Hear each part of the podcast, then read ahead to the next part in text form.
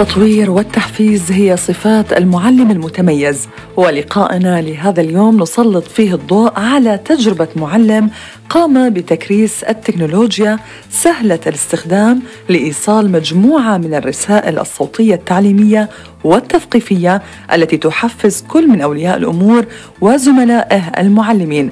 ويسعدنا أن يكون معنا عبر الهاتف الأستاذ علي عبد الله حبيب معلم نظام فصل في مدرسة جابر بن حيان الابتدائية للبنين. نصبح عليك بالخير أستاذ علي. صبحكم الله بالخير ومشكورين على هذه الفرصة.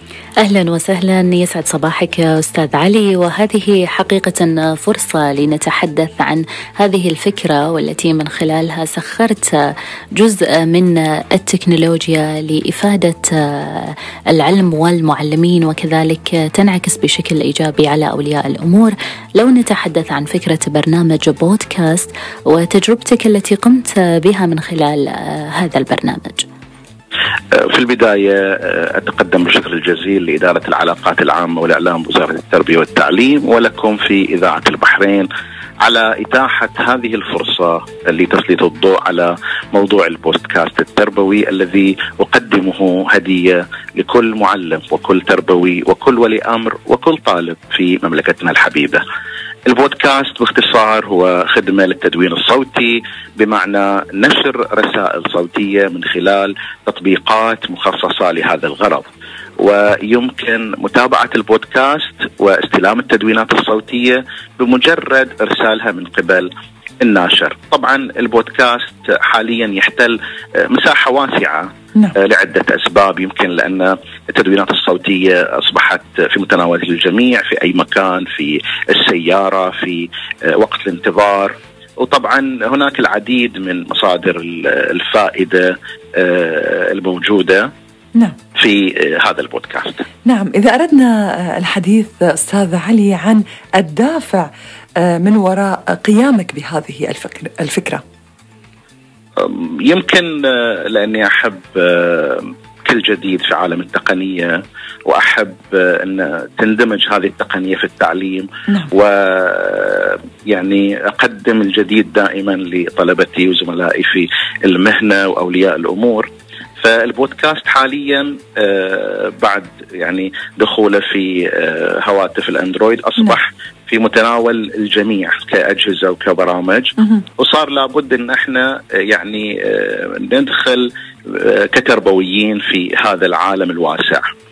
نعم أستاذ علي مما لا شك فيه إن إحنا من خلال هذه الظروف الصعبة جميع المجالات وكافة الجهات قد استفادت منها لتولد الكثير من الأفكار الإبداعية. وبالنسبة لوزارة التربية والتعليم والتربويين هناك الكثير من الأفكار حقيقة المقترحة والمطبقة الناجحة. متى بدا التطبيق هذه الفكرة؟ وما هي الفئة المستهدفة منها؟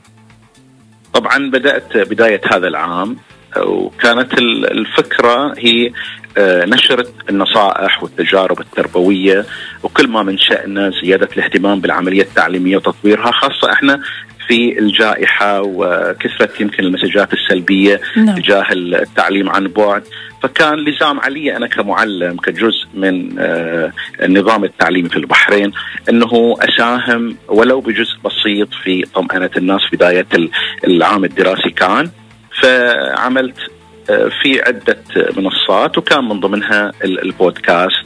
أساس أيضا كان لتحفيز المعلمين وأولياء الأمور والطلبة على مزيد من التقدم في العملية التعليمية التعلمية. آه وهذا طبعا كان يتطلب مزيد من الإبداع والإجتهاد لتقديم الأفضل. ورأيت بأنه البودكاست يعني شيء جديد يمكن يجذب الناس. نعم.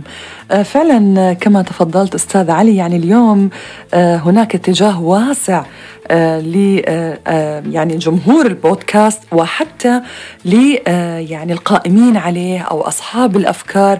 يمكن قبل إذا كنا بنقارن وسائل الإعلام التقليدية كانت محصورة ويعني ممارسينها كذلك محصورين في ضمن هذه الوسائل. لكن اليوم أصبحت هذه الأدوات الإعلامية في متناول يد الجميع، فإذا كنت تمتلك المعرفة وكنت تمتلك رسالة وتمتلك قيمة تود إيصالها للناس عبر مختلف يعني الوسائل فبإمكانك استغلال كما تفضلت هذه التكنولوجيا وتطويعها لخدمة الهدف المنشود أو الرسالة.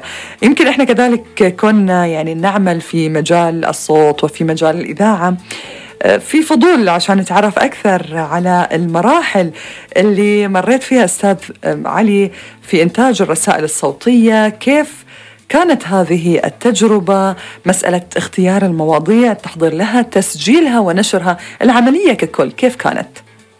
طبعا مثل ما تفضلتون بأن يعني جانب الأداء الصوتي أو التخاطب الصوتي يحتاج إلى مهارات محددة معينة آه، يمكن ما يعني تختلف عن عنها في آه، جانب الفيديو في اليوتيوب والجانب التدوين الكتابي. نعم. آه، طبعا في البداية كانت عندما شفت نمو التدوين الصوتي في أجهزة أبل وبعدين صار في بقية الأجهزة يعني كان يمكن في السابق كان صعب ان أنا أدخل في موضوع التدوين الصوتي لمحدوديته.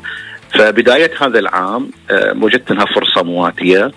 فطبعا آه، ساعدني أيضا دخولي في آه، ورشة من تنظيم وزارة شؤون الإعلام حول مهارات الأداء الصوتي.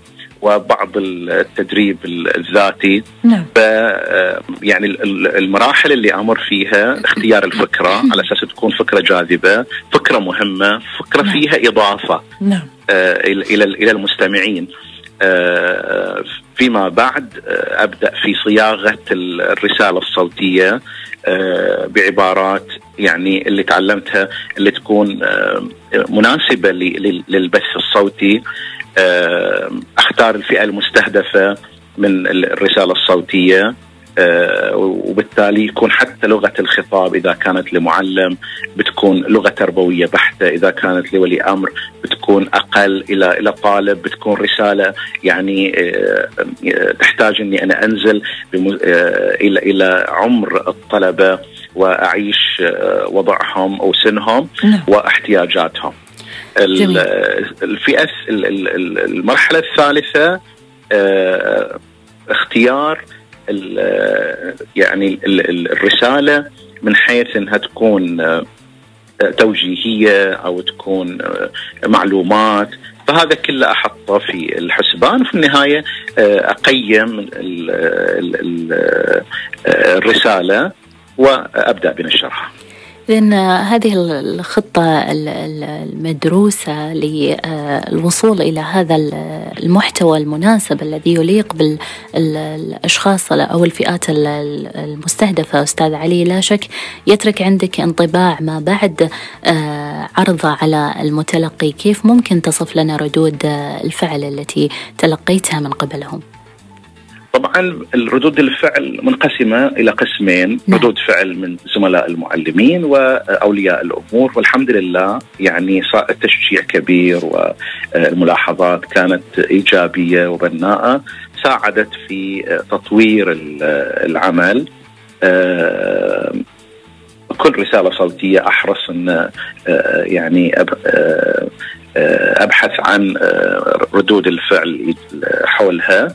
وأجعلها يعني منطلق للتطوير في الرسالة الصوتية القادمة. نعم طبعا يعني أستاذ علي هذا جهد حقيقة تشكر عليه ويعني نحن نعلم جيدا فعلا أن زكاة العلم نشرة وأنت عن طريق هذه الأداة أو هذه القناة وهذه الوسيلة أنت تقوم بعملك حتى خارج أسوار المدرسة أو الحلقة التربوية التعليمية أو علاقة فقط معلم بطلبته أو حتى بأولياء الأمور، ولكن هكذا تتسع الرقعة أكثر فأكثر وتنتشر المعرفة وينتشر العلم ويكون الإنسان فعلا صاحب رسالة أكبر وأعمق آه، في هذا المجتمع. آه، ما هي الخطط المستقبلية لتطوير هذه الفكرة لاستمراريتها آه، لربما يعني تبديلها أو إضافة أفكار جديدة لها؟ طبعا المرحلة الأولى كانت المرحلة التجريبية وقدم فيها رسائل صوتية مثل ما تحدثت في موضوعات متنوعة نعم آه، فيما بعد بدأت المرحلة الثانية من خلال تأصيل مبدأ التعليم الإلكتروني وزيادة حب المعلمين له وتقديم رسائل صوتية تساعد المعلمين على الوصول لمرحلة متقدمة تواكب معايير التعليم الإلكتروني العالمية مثل معايير الجمعية الدولية للتكنولوجيا في التعليم المعروفة باسم ISTE بحيث أقدم رسائل صوتية قصيرة صباح كل يوم تقدم معيارا من معايير هذه الجمعية وتشجع المعلمين في البحرين على الحصول على الشهادات الاحترافية مثل شهادة معلم مايكروسوفت الخبير. فيما بعد إن شاء الله ستكون آه، مرحلة الثالثه في الاجازه الصيفية آه، من خلال استهداف الطلبة لتقديم تجارب تساعدهم في تنمية مهارات التفكير الإبداعي ومهارات التعلم الذاتي، تقديم معلومات عن مواقع تعليمية يستفيدون منها في الاجازه الصيفية إن شاء الله.